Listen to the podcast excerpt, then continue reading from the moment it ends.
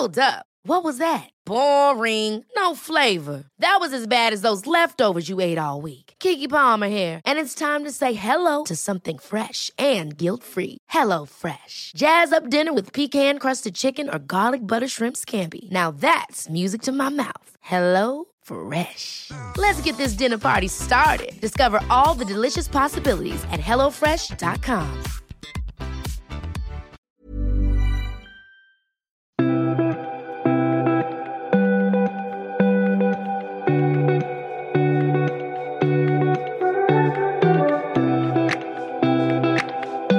Många svenskar besöker Mallorca varje år, men vissa blir så förälskade i ön att de till och med hittar jobb här. Vi ska få träffa Göran Avalon Engqvist som inte bara är sommelier utan även importerar vin från Mallorca och dessutom arrangerar vin och vandringsresor på ön. Låter som en trevlig och härlig kombo, eller hur?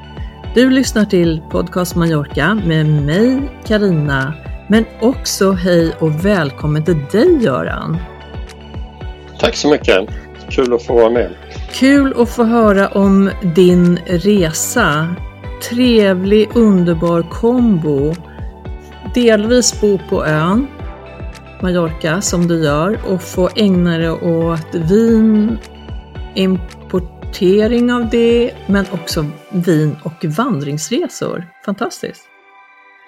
Ja, precis. Hur började det? Ja, det började ju inte så. Liksom. Det började vi, både jag och min fru Malin, vi, så att säga, vi återupptäckte Mallorca. Vi var där någon gång i slutet på 80-talet och kanske inte var så superimponerade av upplevelsen då. Då hade vi inte träffats då utan det var separat. Men, eh, så um, åkte vi dit på bröllopsresa, bodde på hotell Portugal och sen och då blev vi helt förälskade. Vi var ju förälskade då men blev ännu mer förälskade igen i omgivningen där.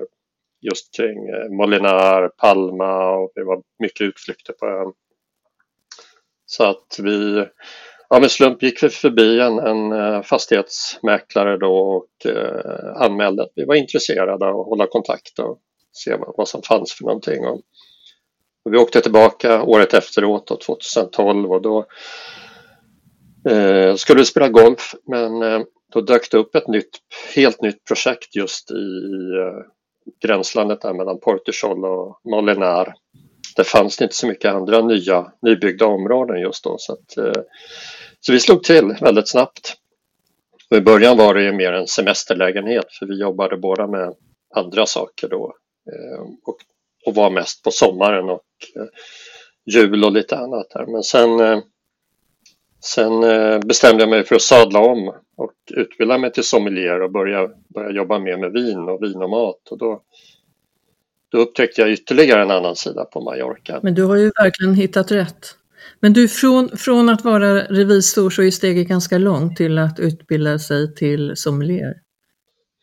Ja, det, var, det, var, det, kan, det kan tyckas så, men jag, jag trivdes jättebra med det jobbet jag hade. Jag jobbade på en av de större internationella företagen, Deloitte, så jag reste mycket, jobbade väldigt hårt och trivdes väldigt bra med det, men jag kände att det där det där kommer att... Ehm, jag behöver göra något annat i livet också annars, annars är mitt huvud ett enda stort Excel-ark när det är dags att gå i pension och då, då är det svårt att kanske utveckla andra intressen där. Så jag sadlade om, jag bestämde mig för att hitta någonting annat att göra innan, innan jag fyllde 50. Så det var ingen, ingen stor 50-årskris. Ja precis, jag säger att steget är kanske långt från revisor till sommelier men, men allting kanske, vilket yrke man än har, så kanske det är nära sommelier. För, för de flesta av oss dricker ändå vin och är intresserade av vin. Alltså jag dricker ju hellre än, än mitt intresse för vin. Så, så, så när du pratar viner idag, Göran, så får du hålla det på en basic nivå. Absolut. För att vi ska förstå och hänga med. Eh, Ja. Men, men du, så himla härligt liksom. Då, du började din utbildning. Hur, hur, eh, jag vet ingenting om utbildningen till sommelier. Hur, hur länge utbildar man sig? Det finns olika eh, längder och nivåer. Så där. Jag gick den internationella upplägget som, plus lite extra saker på restaurangakademin i Stockholm. Då tar det ett år. det är inte heltidlektioner ett år utan man, man behöver prova mycket vin och, och självstudier och så vidare också. Så, men det tar, det tar ett kalenderår egentligen att få en, få en examen. Och, mm. och vin var ju inte, det var inte så att jag var super, att jag var så här nördigt intresserad av viner utan jag, var, jag är intresserad av dryck generellt sett och dryck och mat egentligen. Jag tycker om att laga mycket mat också. Jag och min fru lagar väldigt mycket mat och vi går ut på restaurang mycket också så att eh, vi har det där intresset av smaker och hur man kan få kombinera. Och därför blev just sommelierutbildningen, för det är inte bara vin, man, man går ju in på teer och kaffe och brygger öl och blandar egen sprit och allt möjligt. Så att det, Massa trevlighet. Det är bredare än bara vin så att säga. Mm. Mm. Men du, från din utbildning till att eh, då importera vin från Mallorca eller intressera dig för vin på Mallorca. För jag tänker så här att mallorquinska viner eh, har ju liksom inte haft eh, Ja, det är många som har dissat dem för sin, eh, som man har sagt, låga kvalitet samt att de har varit ganska så dyra. Va, va, mm. va, håller du med eller? Ja, till viss del. Det var ju när jag började med då fanns det 50 producenter ungefär på ön som gjorde vin eh, och nu finns det 105 idag. Så det, det har hänt enormt mycket. Under hur många år då sa du? Säg för 8-9 eh, år sedan. Mm. Så då, eh, då fanns det 50. Och eh, börja, mitten på 80-talet då fanns det nio som mm. gjorde vin mm. kommersiellt. Mm. Eh, och de var ju med något enstaka undantag så var de mest intresserade av att göra kopior på Rioja-vin till turister och grisfesten. Då. Mm. Sen fanns det vissa som försökte bevara det, det klassiskt mallorquinska, de gamla druvsorterna och allting. Men, men det, det var en eller två bodeger, de andra var inne på eh, ja, tjäna snabba pengar helt enkelt. Och det, det kan man ju förstå när eh, charterturistboomen kom. Absolut, men det har, det har ju hänt en hel del då på åtta år. Det är en ganska snabb utveckling tänker jag med, med vinerna ja. och med det så ökar ju kvaliteten också. Kvaliteten ökar och det har ju också skett ett skifte på många att eh, många av de här äldre vinmakarna väldigt mycket gubbar faktiskt då, som, som var aktiva på 80-90-talet och kanske var mer inne för att göra mycket volym och, och, och få ut det till eh, till charterhotellen. De har ju efterträtts av en yngre generation som, eh, som har tagit inspiration på vad som händer på andra ställen i vinvärlden där man, där man försöker jobba mer med hållbarhet, ekologiskt eh, och man, man vill göra viner som inte ska vara en kopia av någonting annat utan eh, smaka som växtplatsen det kommer från eller den lokala traditionen. Mm. Och det, det har kommit till Mallorca också eh, ungefär vid den här tiden. Några var tidigare i början på 2000-talet men det, det har hänt mycket de sista tiden, ofantligt mycket. Men det tycker jag också. Jag, jag tillhör ju de som alltid eh, gillar att dricka lokala viner oavsett var jag är någonstans. Och, och, och, det tycker jag är fantastiskt. Enda gången som jag ångrar mig lite och, och, och, bad om att få ett lokalt vin, det var i Vietnam.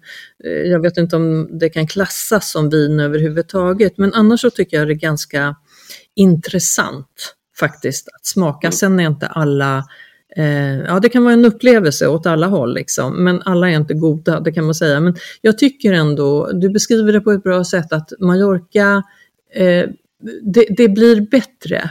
Men mallorquinerna själva, eller inte ens mallorquinerna, men på restaurangerna, det finns ju otroligt mycket bra eh, mat och restauranger på, på Mallorca. Men ibland när man kommer in mm. på restaurangerna och, och ber om eh, råd, vad ska jag dricka? Till maten. Jag vill ha ett lokalt vin, för det brukar jag alltid säga. Och då är det faktiskt vissa på restaurangerna som inte ens rekommenderar mallorquinska viner utan de säger själva mm. att vi håller ganska, ja men du ska, det ska du väl inte ha för det är ganska låg kvalitet och då säger jag att det ska jag visst ha för jag har druckit massor med mallorquinska viner. Och jag tycker det är ett sätt för mig som, som delvis bor där att eh, gynna den branschen. Och så tycker jag att det är ja. gott. Ja, men jag har varit med om det också. I, I början när jag började jobba med vin, då höll jag provningar med, med viner från Mallorca, i, visserligen i Stockholm då, men, men, och i Sverige, men då jag hade flera gånger deltagare som var födda och uppvuxna på fastlandsspanien men, men flyttat till Stockholm. Och de, de var så överraskade, finns det vin på Mallorca? Det här smakar ju bra. Mm. Det hade de ingen aning om och, eh, och även när vi, när vi, när vi började rota oss på, på deltidsbo på Mallorca då gick vi ut på restauranger och så kanske det fanns tre, fyra viner från Mallorca och så fanns det 25 andra. Eh, nu är det ju tvärtom. Nu, nu, nu är det en hel lista med röda viner och en, en hel sida med vita viner från Mallorca. Och många är stolta över det också. Men, men eh, man, man märker också väldigt tydligt att drivs restaurangen av spanjorer som inte är från Mallorca utan från fastlandet eller har personal som inte är uppvuxna på Mallorca utan kommer från fastlandet så är de mer formaterade att föreslå en Rioja, Ribera del Duero eller en Verdejo istället för eh, någonting från Mallorca.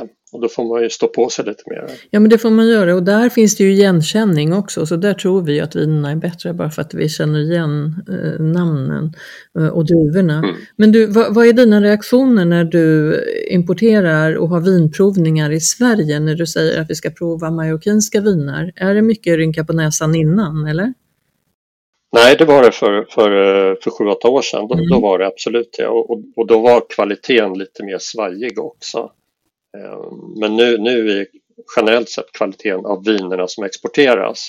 Det finns enkla viner som dricks upp på ön också, men det som, det som exporteras är ju av, av, av väldigt hög kvalitet. Sen, sen är det kanske några kronor dyrare för att det kostar det kostar mer att transportera det till Sverige. Det görs mer småskaligt på ön också. Mm. Men eh, nu är det ingen som rynkar på näsan tycker jag längre. Men du tycker att mallorquinska viner eh, står sig bra eh, från övriga Spanien? Ja, det gör det absolut och det, det ser man ju också i de här internationella vinkritikerna, de här mest kända för sju, åtta år sedan, det var det ingen som hade varit på ön. Nu, har, nu är det alla på ön en gång om året nästan och eh, provar brett och sätter poäng på vinerna och då ser man ju att de visst, de är inte en, en del av vinerna från Mallorca är på eh, får poäng som är om det finns en 100 poängskala och det finns ju viner som får 97-98 poäng från Mallorca som är bland det högsta i hela Spanien. Mm. Ja, intressant. Men du, vad, vad, vad, är din, vad är din favorit? Dricker du eh, cava, vitt, rosé, rött helst? Jag dricker så varierat som möjligt egentligen. Sen är jag äter inte lika mycket stora kraftiga kötträtter så att då, då dricker jag kanske inte lika mycket av de här mest kraftiga röda vinerna. Eh, men eh, men eh, precis som många sommelierer så blir man, eh, man blir mer och mer intresserad av vita viner faktiskt. För det finns mycket mer komplexitet i smakerna i, i ett riktigt bra vitt vin än i många röda viner. Du... Det låter konstigt att säga det men det är, mm. pratar du med en sommelier så de, ska de bara välja ett enda vin och dricka resten av livet, då blir det ofta ett vitt vin.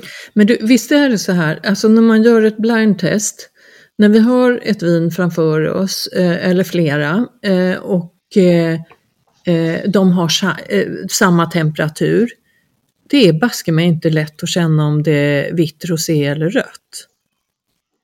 En, en del, en del eh, är, svår, är svåra att skilja åt, andra är lätta liksom, på grund av smak, att de, att de har så tydliga mm. smaker åt olika Ja, håll. precis. Men, men ibland så, så är det, nej, det är inte helt enkelt och det kanske handlar mer om mina smaklökar. Men, men jag vet vi har varit flera som, som har provat på det sättet och vi har, att man har tagit fel liksom och då tänker man mm. det här kändes ju inte riktigt bra när man tar ett eh, lättare rött för vitt liksom. men men.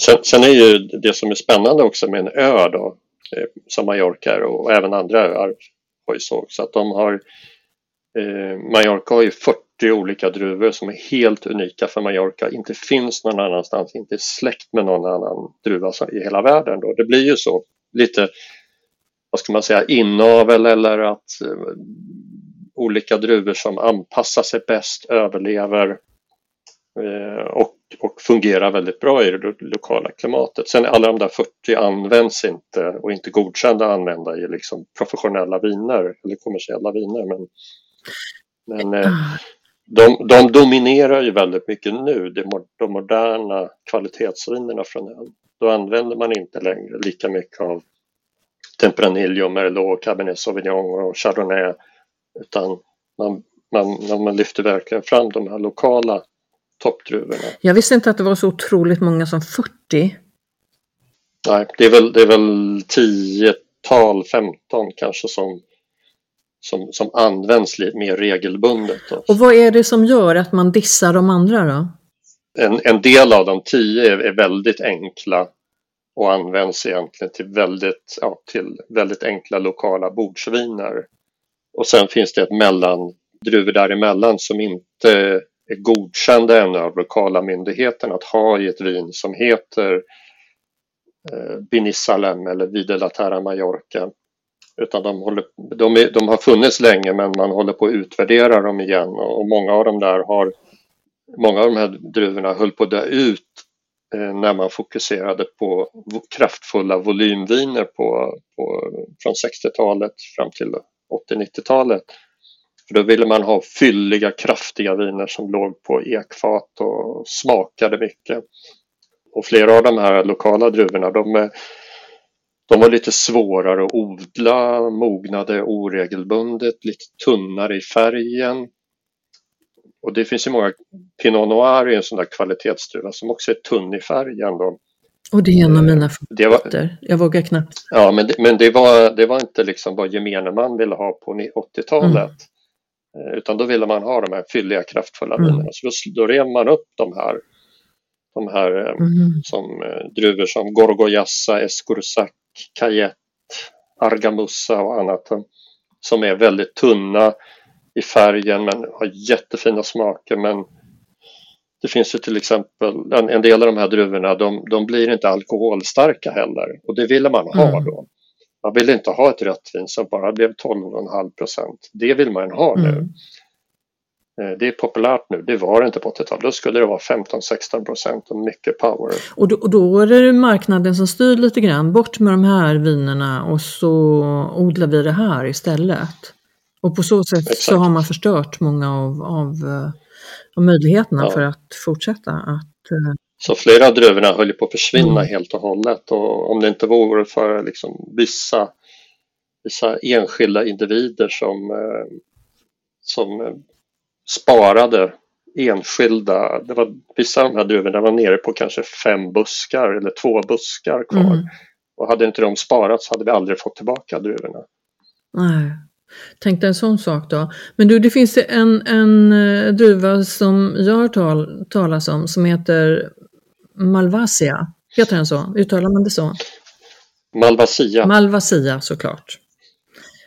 Hur är det med Malvasian?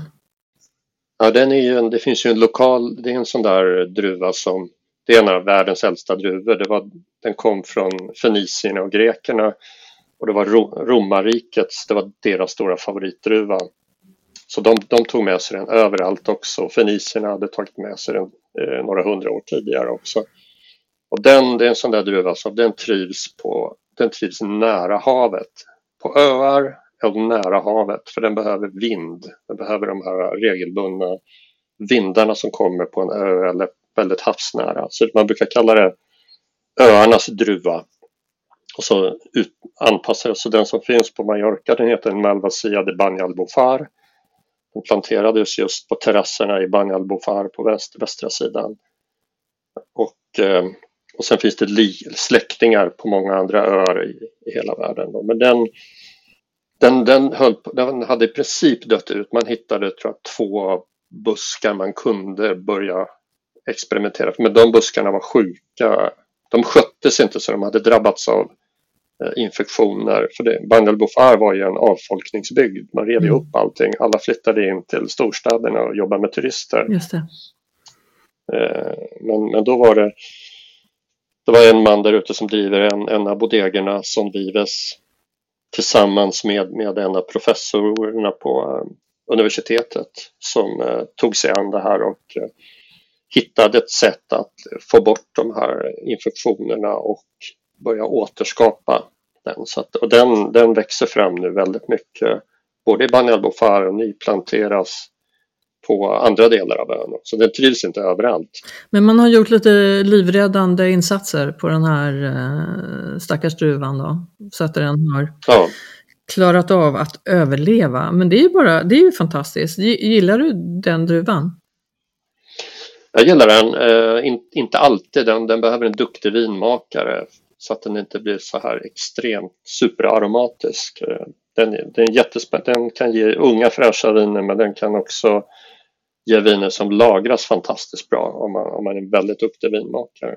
Ofta så blandar man ju flera druvor men den här sa man eh, enskilt eller?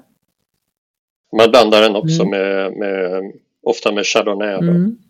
Chardonnay är en sån där bra druva att para ihop med. Vad heter vingården där du skulle säga att man får eh, det bästa vinet av den här druvan? Vill, vill, man komma till ursprunget så ska man ju, då ska man ju åka till Banyal Bofar och eh, antingen, om, antingen som Vives eller det finns ett kooperativ där också. Men eh, nu finns det många fler ställen. Jag, så jag har det absolut bästa vinet på den. Det, det är den här professorn från eh, från eh, universitetet som har vikt sitt liv och bara jobba med den här druvan. Mm. Han har startat en egen liten vingård i Inka. Eh, han gör kanske det absolut bästa vinet jag har smakat på den här druvan men i jätteliten skala. För det är ju, det är ju en bit i, i, från den här lilla byn då? Precis. Precis, men han, han, han kom, hans fru kommer mm. därifrån så det var där han, när han pensionerade sig, det var där han hittade en jordplätt och, och planterade på. Men, men spännande ändå. Så dit kan vi åka om vi vill köpa det här eh, vin? Ja, dit kan man åka eller också så går man till eh, till exempel en av de nya vinbarerna inne i Palma, The Wine Side. De, de är superduktiga och har i princip alla viner som nästan alla viner som, toppviner som görs på ön. Så det var, det var där jag upptäckte den här. Jag hade inte hört talas om det, att han hade börjat göra vin då. Mm-hmm, så fick jag prova okay. den där och så åkte vi upp och besökte honom. Ja, men det är ju fantastiskt. Du ska få lista lite bra vinbarer till oss sen Göran som vi kan lägga ut på vårt Instagram. Det är ju superbra tips. Vi, vi är ju mm. intresserade, många som, som kommer till Mallorca är ju intresserade av vin och mat och den kombinationen. Men du, blir vinet bättre med mat eller maten bättre med vin? Vad skulle du säga där? Jag skulle säga ja. Det är, det är eh, på båda. Det är, båda. För, mig är det, för mig är det ett plus ett blir tre. Mm. Inte att eh, det ena eh, Sen har jag respekt för liksom de som tycker bäst om vin, då, då står det i förrummet. De som älskar maten, då är vinet ett komplement. Men jag försöker ofta få anpassa maten till vinet eller möjligtvis tvärtom. Men oftast är det enklare och man har, man har och inte obegränsat med vin hemma och då tar man ett, ett, den flaska man vill dricka så kan man ofta anpassa kryddningen eller lite tillagningen så får man det och, och, och, och får det här just 1 plus 1 blir 3. Att det gifter sig. Att det gifter sig och att man lyfter smakerna lyfter eller smak. bala, balanserar smakerna. Mm. Ja, men det, det är jätteintressant. Vad, vad, dricker, vad dricker man mest eller vad, vad säljs mest på Mallorca? Jag är ju väldigt förtjust i cava och tar gärna ett glas cava så dricker jag kanske vin till maten sen då. Men vilken eh, av uh, cava, vitt, rosé, rött säljs mest? Jag skulle gissa att det är säkert Cava, men Cavan kommer inte från Mallorca utan den kommer ju från, från eh, Katalonien. Då. Men gör man ingen Cava på Mallorca? Nej, man får inte kalla det Cava, men man gör mm. mousserande på, på ön. Men inte i någon stor skala och den mousserande är ofta bra mycket dyrare än, än den Cava man kan få tag på. Eh, du kan hitta en, en, en schysst enkel baskava för eh, mellan 2 och 5 euro på, eh, på snabbköpet. Den billigaste som görs på Mallorca kanske du får betala 8 för. Så. Alltså där lärde jag ju mig ytterligare. Jag har ju lärt mig jättemycket av dig hittills, men jag trodde, jag trodde verkligen att, nu får ni ursäkta mig, lyssnare där ute, men det är, där. Ja, men det, du är nog inte ensam. Jag, jag, tror inte att jag är ensam och, och, det är därför vi har den här podden. För att vi ska lära oss, är för att ni ska lära er mer. Jag trodde verkligen att det fanns eh, kava från Mallorca, men inte. Eh, det, ja, men sen, sen görs ju, det görs väl, jag tror någonstans 40 45 procent av allt som görs är rött tror jag liksom. och en tredjedel är vitt och sen 25 procent rosé ungefär någonstans där. Nu har jag inte räknat ihop om det blev, om det blev mer än 100 men, men eh, mycket av det vita och rosén dricks ju upp på ön mm. och exporteras inte. Ja, för, för det, det, det, är väl ändå så många gånger att när, när, det är varmt som det är på Mallorca stora delar av året så, så tar man gärna ett glas kallt bubbligt vin då oavsett vad det är, vitt vin eller rosé. Ja. Exakt. Eller möjligtvis ett lätt rött vin. Du kan ju inte dricka de här tunga vinerna när det är 35-40 grader. Kroppen klarar Nej, inte det. det blir väldigt, väldigt tungt. Då får man köra min eh, Pinot Noir. Men du, på tal om Pinot Noir, finns det någon Pinot Noir på, som kommer från Mallorca? Sa du så tidigare? Det finns, det finns uh, Pinot Noir är en sån där druva som är bland en av de mest det är en liten primadonna. Den är väldigt känslig, behöver mycket tas om hand, de behöver bo på en, en, en växtplats som, som verkligen fungerar där, annars, annars ger den upp. Och det finns, den, den, generellt sett fungerar den inte på Mallorca för det är för varmt. Mm. Det finns eh, en producent, eh, Esverger, uppe i eh, dalen ovanför eh, Esporles. Mm gör, gör en fantastisk Pinot Noir men den är ju på, på en, en av de högsta vingårdarna på Mallorca uppe i bergen. Där trivs den. Och den trivs på no, några andra ställen som har ett bra man säger, mikroklimat brukar man klara, mm. prata om. Då, så där kan den klara sig. Sen finns det, men sen finns det vissa druvor som är lokala då som har samma typ av Gillar man Pinot Noir så kommer man att gilla dem också mm. och det är ju Cayette till exempel Eh, och och Gorgojassa också. De är, eh, de är också, de har mycket av samma, det smakar eh, liknande som Pinot Noir, de har en, en bra grundsyra, tunna i färgen men lagras bra, får väldigt bra komplexitet när de lagras. Härligt. Men du, vad, vad, vad skulle du säga om för idag så pratar vi mycket om ekologiska viner och tillsatser och, och det ska inte vara för mycket socker. Vad, vad, vad, vad tittar du på när, när du ser att det är ett bra kvalitativt vin? Naturliga tillsatser till exempel, är det viktigt? Nej, egentligen, jag, jag, det, är, det är mycket mindre tillsatser än vad man kan tro. Det är mycket snack om att det vin innehåller väldigt mycket tillsatser. Det är väldigt, väldigt lite tillsatser i vin. Sen kan man ha en massa processhjälpmedel under resans gång. Att man har en designad gäst som hjälper att, till att förstärka vissa smaker och annat. Men, men det är väldigt få saker du får stoppa i ett vin egentligen. Du får tillsätta lite syra, du behöver tillsätta lite sulfiter för att göra det hållbart. Och ju billigare vinet är desto större sannolikhet är att det är man har liksom jobbat mycket med i, i processen för att ta genvägar och, och, och använt, liksom, använt mer, tillsatt mer konstgjord syra och sulfiter för att, för att kunna göra det så billigt som möjligt. Så att generellt sett är det liksom att du får det du betalar för, precis som all annat livsmedel du köper. Köper du det som är billigt eller väldigt, väldigt billigt och då behöver du, det behöver inte vara fel men du behöver kunna lite mer om det. Eh, det kommer inte vara farligt men då får man leva med att den som har producerat det har behövt förenkla en hel del. Så bra viner är oftast dyrare? Nej, det, om, om, man om man jämför med priser i svenska mått mätt då, så är det, jag brukar säga så här väldigt förenklat att vill du köpa viner som kostar under 100 kronor flaskan på Systembolaget i Sverige då behöver du kunna väldigt mycket och du behöver kanske en sommelierutbildning för om, om du samtidigt också vill, vill köpa bra kvalitet. Du kan köpa viner som smakar gott där också men de, de har fått smaken på ett, på ett mer eh, att man har jobbat i vinmakningen för att liksom lyfta fram smakerna med olika hjälpmedel. Eh, till exempel alla boxviner. Det är inget fel på dem men de, du får inget naturvin där eller du får inget hållbart biodynamiskt vin. Men går man upp bara över 100 kronor eller jag brukar säga också att köper du ett vin, du behöver ingen sommelierutbildning för att köpa viner över 150 kronor.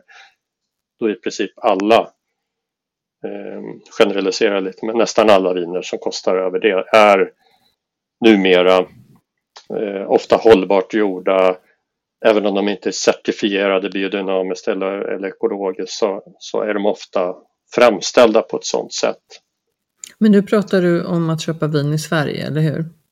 Ja, jag, jag använder den prislappen mm. för att jämföra. Precis. Sen, sen, sen, får man liksom göra om den till, till eh, Mallorca-priserna då. Så att, och det är, ju det är väl någonstans vill du inte betala mer än 5 euro på, i snabbköpet, ja då, då behöver du förstå lite mer om var, varifrån den kommer och hur du ska välja ut det. Men betalar du 7-8 euro uppåt, ja då, då kan du ta vilken flaska du vill nästan. Nu överdriver jag lite. Då får du ett bra vin. Ja, ja för det är ju väldigt stor skillnad eh, i pris när du handlar på Mallorca, både på restaurang och ute i... Där kan du ju till och med köpa i vanliga supermarkets en flaska vin behöver du inte gå till Systembolaget. Nu är det inget fel på Systembolaget för det är ju väldigt bra med all den information som finns där, det ska vi väl säga. Men eh, skillnad är det mellan länderna i alla mm. fall, verkligen. Men vad eh, Eh, till vingårdar, för du har väl, du, du har ju vin och vandringsresor som vi ska komma tillbaks till, men men vilka vingårdar skulle du rekommendera eh, att besöka som, som har ett... Eh, alltså det finns ju många av våra lyssnare som är vinintresserade. Eh, mm. Både de som bor och både när man kommer dit som, som turist. Finns det, finns det några sådana som sticker ut? Ja, oh ja. Det har ju, och det har ju också skett väldigt stor utveckling de sista tio åren. Så finns det ju det finns många som gör bra viner men som kanske inte är öppna för att ta emot besök och, och vill inte egentligen ha besökare heller. Ehm. Och varför skulle man inte vilja ha det? Finns inte kapacitet? Nej, men de, några av de kanske mest eh, hypade och kända vingårdarna som Anima Negra och Quattro Kilos det är inga roliga besök där och de vill, de, de vill inte att du ska hitta till dem egentligen. De vill jobba med sina viner och, eller som Anema Negra, de har byggt upp en image av att det ska vara svårtillgängligt, lite mystiskt. Och... Mm. Lite New Yorkigt. Man ska inte hitta dörren till restaurangen. Liksom. Nej, de tar aktivt bort, om någon gör en Google-pin var vingården ligger så tar de bort den så att man inte ska kunna ah, googla och hitta den. Pass. Okay. Till. Ja, men du... De gjorde det för ett tag sedan till och med. Har du provat att åka dit? Jag har varit där. Så. Du har Men, men, som, som, men som sommelier så har man får man ju lite mer Du har tid. access, ja okej. Okay. Ja men det är bra att man gör skillnad. Ibland. Nej, men annars finns det ju många, Eh, flera av dem jag jobbar med men, men eh, flera andra också. Med, med Bodega Ribas är en sån där konsej i som väldigt, väldigt många älskar för att det är det är Mallorcas äldsta, det är en fantastiskt fint besök, du blir välkomnad och vinerna är fantastiska. Eh, deras, deras kusiner, vinmakarnas kusiner som driver Oliver Morages i Algaida, det är ett av de äldsta possessios, de gamla stenherrgårdarna på ön som de har som huvudbyggnad. Det gör ju också att det blir ett fantastiskt vackert besök. Man, man, när, man, när man dricker vin på plats så tar man ju in så mycket mer än bara vinet. Det är ju mm. stämningen och oh ja. hur man känner sig och allting. Och en, en annan sån här pärla tycker jag är uppe i, i dalen där mellan, mellan La Grancha och Puigpunyent. Där ligger Sonvich de Superna som också är ett av de här gamla, gamla Possessios eh, stenherrgårdarna som, där man har byggt en fantastisk nästan engelsk park. Det är så bördigt där uppe. Mm. Och där, där har man ju några av de absolut högsta vingårdarna som finns på ön. Det är också ett eh, superfantastiskt, det är ett fantastiskt besök. Son Vives i Banjal Bukhar när man bara när du står där och tittar ut mot solnedgången på eftermiddagen eller när solen håller på att sjunka ner mot, med, i, mot horisonten och, dricker Malvasian där, då, då smakar den fantastiskt på ett helt annat sätt än om du skulle dricka den inne i Palma.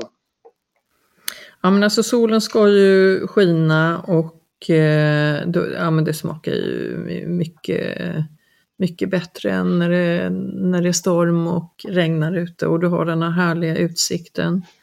Va, va, vad sa, du sa en, eh, säg om namnen där uppe, eller det senaste, vad sa du att den hette? Eh, Sonvich de Superna, Sonvich, eller Sonvik uttalar man det. Just det. Men vet du, där var jag för någon vecka sedan. Okej. Okay. Och där klättrade vi, klättra, vi vandrade upp en bit. Mm. Eh, mm. Och det här kanske, ja, du kanske har vandringar dit, men jag gjorde någonting fantastiskt på min bröllopsdag, jag överraskade min man. Då var vi på den här gården som ju var otroligt vacker med trädgård. Eh, vi fick, eh, jag överraskade min man med att ha en picknick uppe, en bra bit upp med utsikt över den här vingården och gamla, är det ett slott? Slott? Eh, mm. byggnad, ja en fantastisk byggnad. Eh, och där hade man gjort en setup med ett företag och drack eh, gott vin från den här gården Eh, med mat och utsikt. Alltså det var en total upplevelse.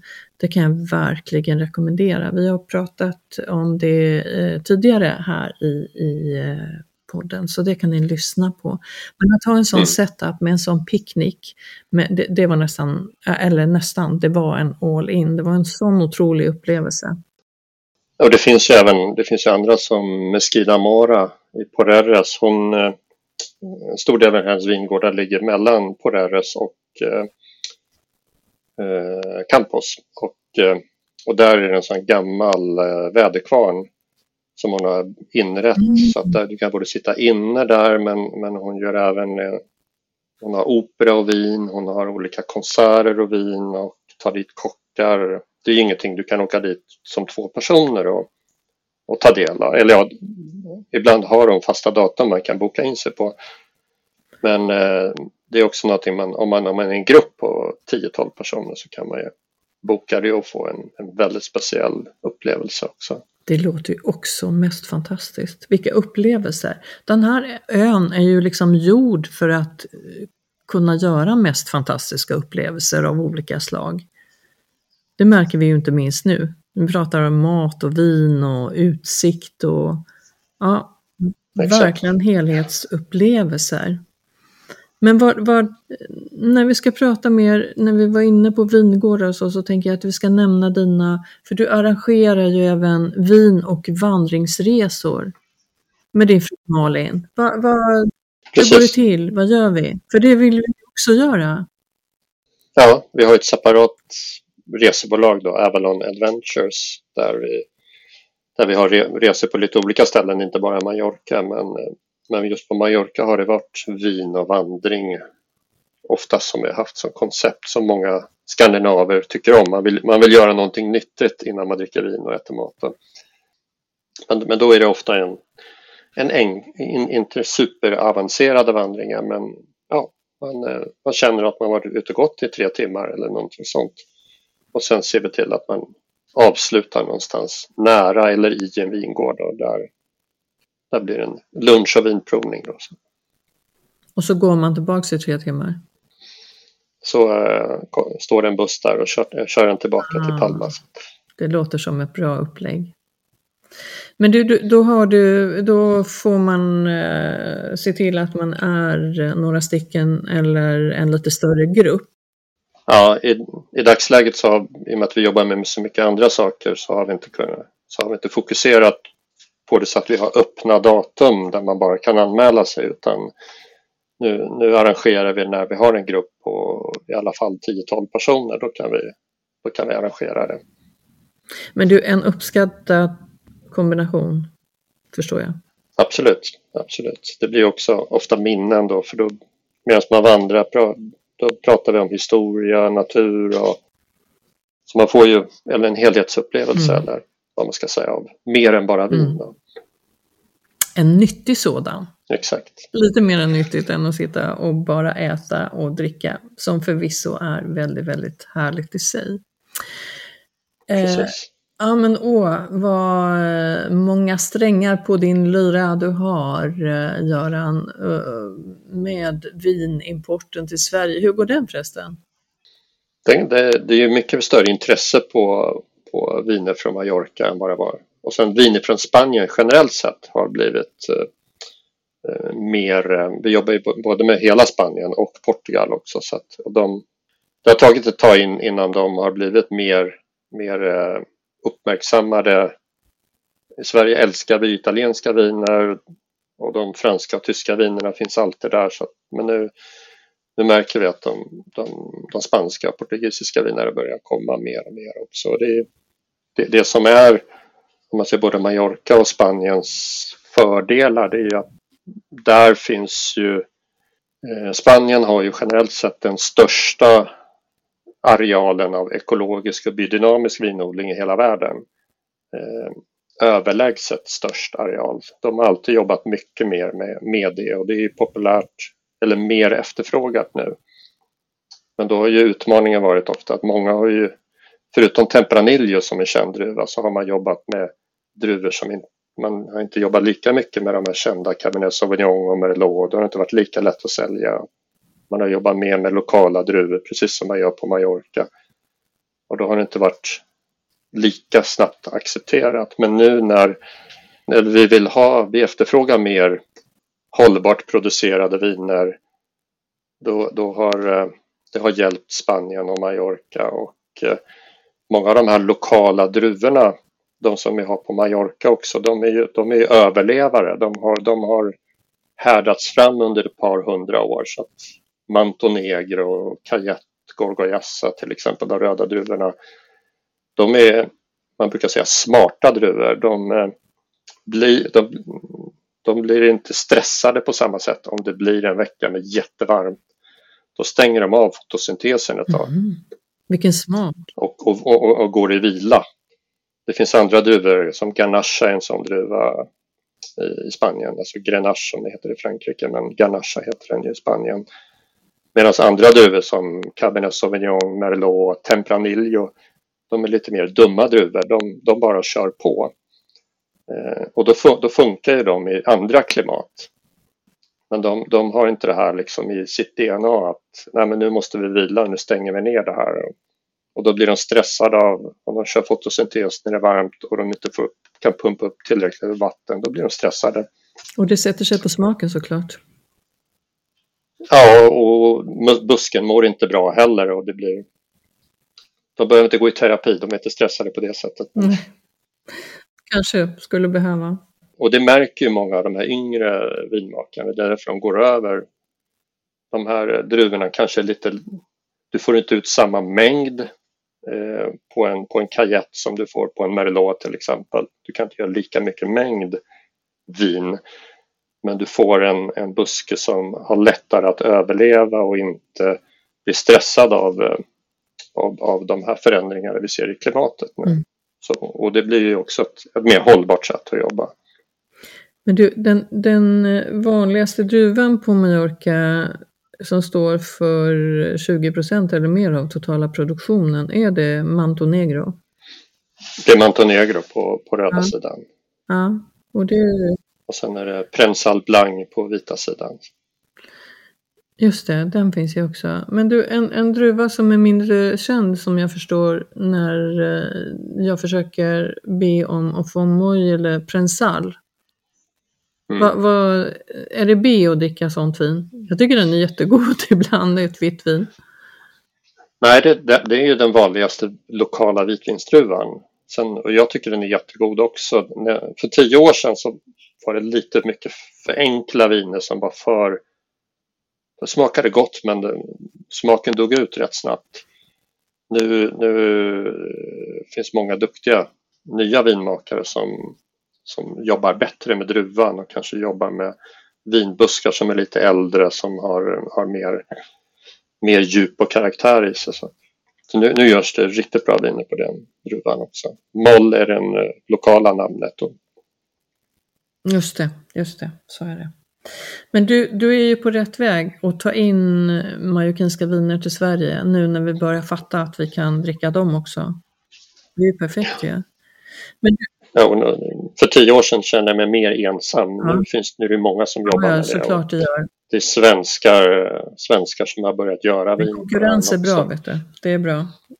Absolut. Det ger Absolut. energi. Men du, tar du in, som sommelier, tar du in majorkinska viner till några svenska restauranger i Sverige? Oh ja, det är många som har det nu. Så att, mm. det, är, det är ofta så att man vill ha kanske något vin från Mallorca mm. På, på vinlistan i alla fall. För att vi svenskar har börjat resa till Mallorca och ser på Mallorca som inte bara ett ställe där man ligger på stranden och blir berusad eh, på kvällen utan man åker till, man, vi åker till Mallorca av andra anledningar då, mm. så då ser vi det mer som kvalitet, vi går på fina bra restauranger.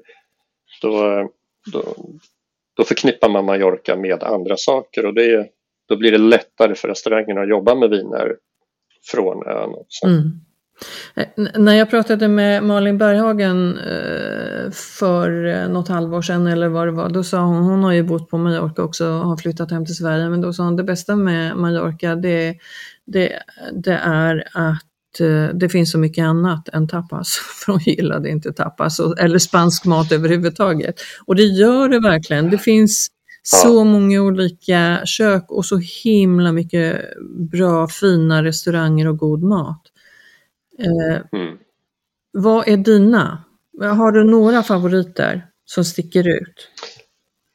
Ja, det har jag. Och det är ju, I och med att jag är mycket på Mallorca så när, när, när det blir semester eller lov då, då, får, då fylls ju min, min, mina olika sociala mediekanaler och sådär. Man vill ha rekommendationer mm. då. Liksom.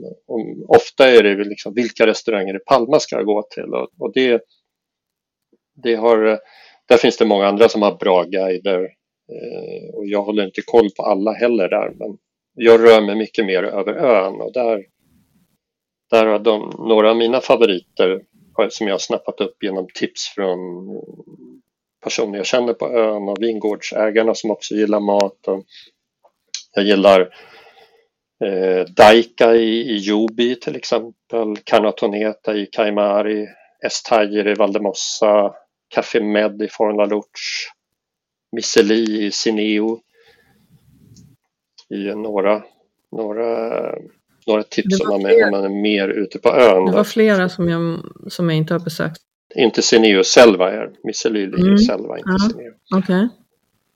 De, de är sådana här tips. Det blir lite om, om man ska åka dit och båda ska dricka vin och så vidare då måste man ju ordna med någon transport hem. Mm på något sätt. Eller bo över. Eller bo över kan man göra. Det finns många fina boenden eh, på hela ön. Eh, om du, men om du ändå skulle ge några tips i Palma?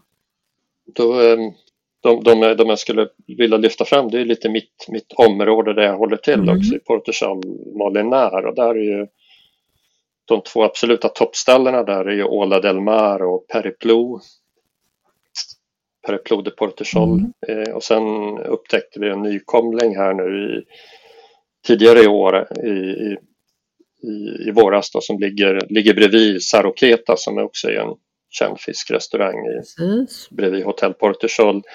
Men där har det öppnat, i en gammal lokal har det öppnat ett nytt ställe som heter El Marino som är, eh, som är eh, kanske inte det mest eh, superdesignade stället men gör fantastiskt baskisk mat och det är någonting jag gillar. Men, men det är lite inne, det ska inte vara allt för trendigt utan i alla fall så vill vi Nej. ha kombinationen. När vi går på designade restauranger så vill vi ha det där eh, avskalade där maten får liksom mm. vara det som dominerar. Ja, det är, det är mer spansk inredning, klassisk mm. spansk mm. inredning men det är också, du får en fantastisk bläckfisk, du får deras baskiska cheesecake är en av de bästa jag ätit. Mm. Tips, tips. Och det kan vi ju nämna Göran, att där du har ditt eh, deltidsboende, det är ju Molinar och det är ju inte så långt från Palma, så Portichol är grannbyn och sen så lite längre österut så ligger Molinar. Och Portichol är ju den här gamla lilla gamla fiskebyn som, som en mm. liten, liten gullig hamn som fortfarande, där det är ganska Precis. mycket båtar. Man kan gå från, från Palma och då kan det ta en kan det ta 20 minuter, 30 minuter? När, när det är varmt går man lite långsammare och vi, vi, har ju, vi är hundägare också så ja, då, blir det så. får man anpassa takten till, till ja, hunden. Men vi men brukar går... säga en halvtimme. Mm, precis. Eh, så det är bra att vi lyfter fram de ställena och inte bara downtown Palma tycker jag. Gud så mycket bra tips mm. Vi har fått av, dig. Jag har lärt mig lite mer om viner måste jag säga. Och jag ser fram emot att få gå på fler bra restauranger för att eh, under mina ganska många år nu på Mallorca så upptäcker jag varje gång att antingen så har det ploppat upp någonting nytt eller så den här har jag helt missat under alla år. Och det är ju så härligt när man har gjort det på ett sätt för då har man alltid någonting nytt att eh, och det gör jag också varje år. Jag, ty jag, tycker att jag är runt och har koll på mycket men det, det är nya ställen hela tiden. Eller gamla ställen som jag missar. Ja, exakt så.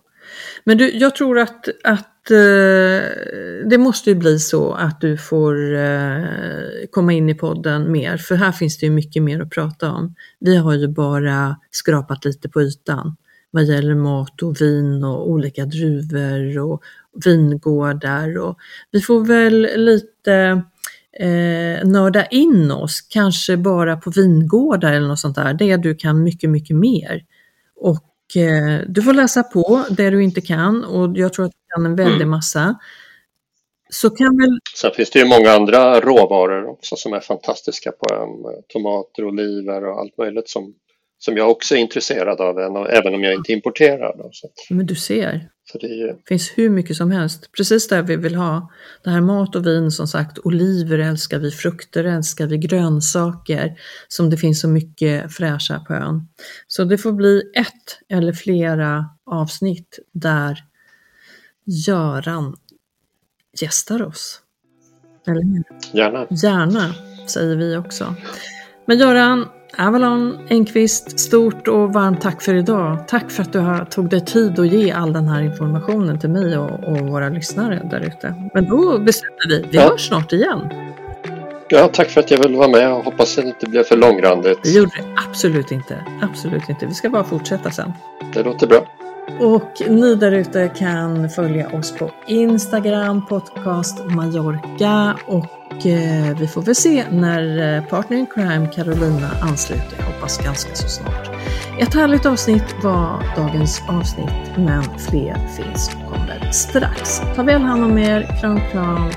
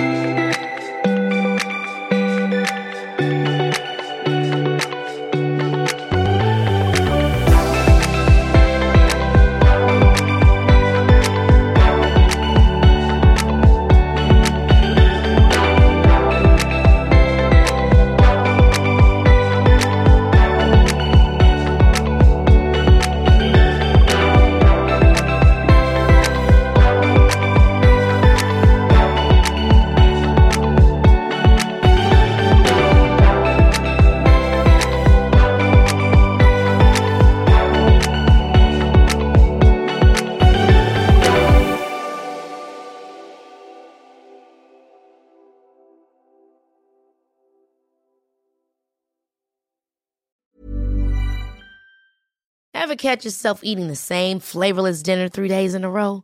Dreaming of something better? Well, HelloFresh is your guilt-free dream come true, baby. It's me, Gigi Palmer. Let's wake up those taste buds with hot, juicy pecan-crusted chicken or garlic butter shrimp scampi. Mm. Hello Fresh. Stop dreaming of all the delicious possibilities and dig in at HelloFresh.com. Let's get this dinner party started.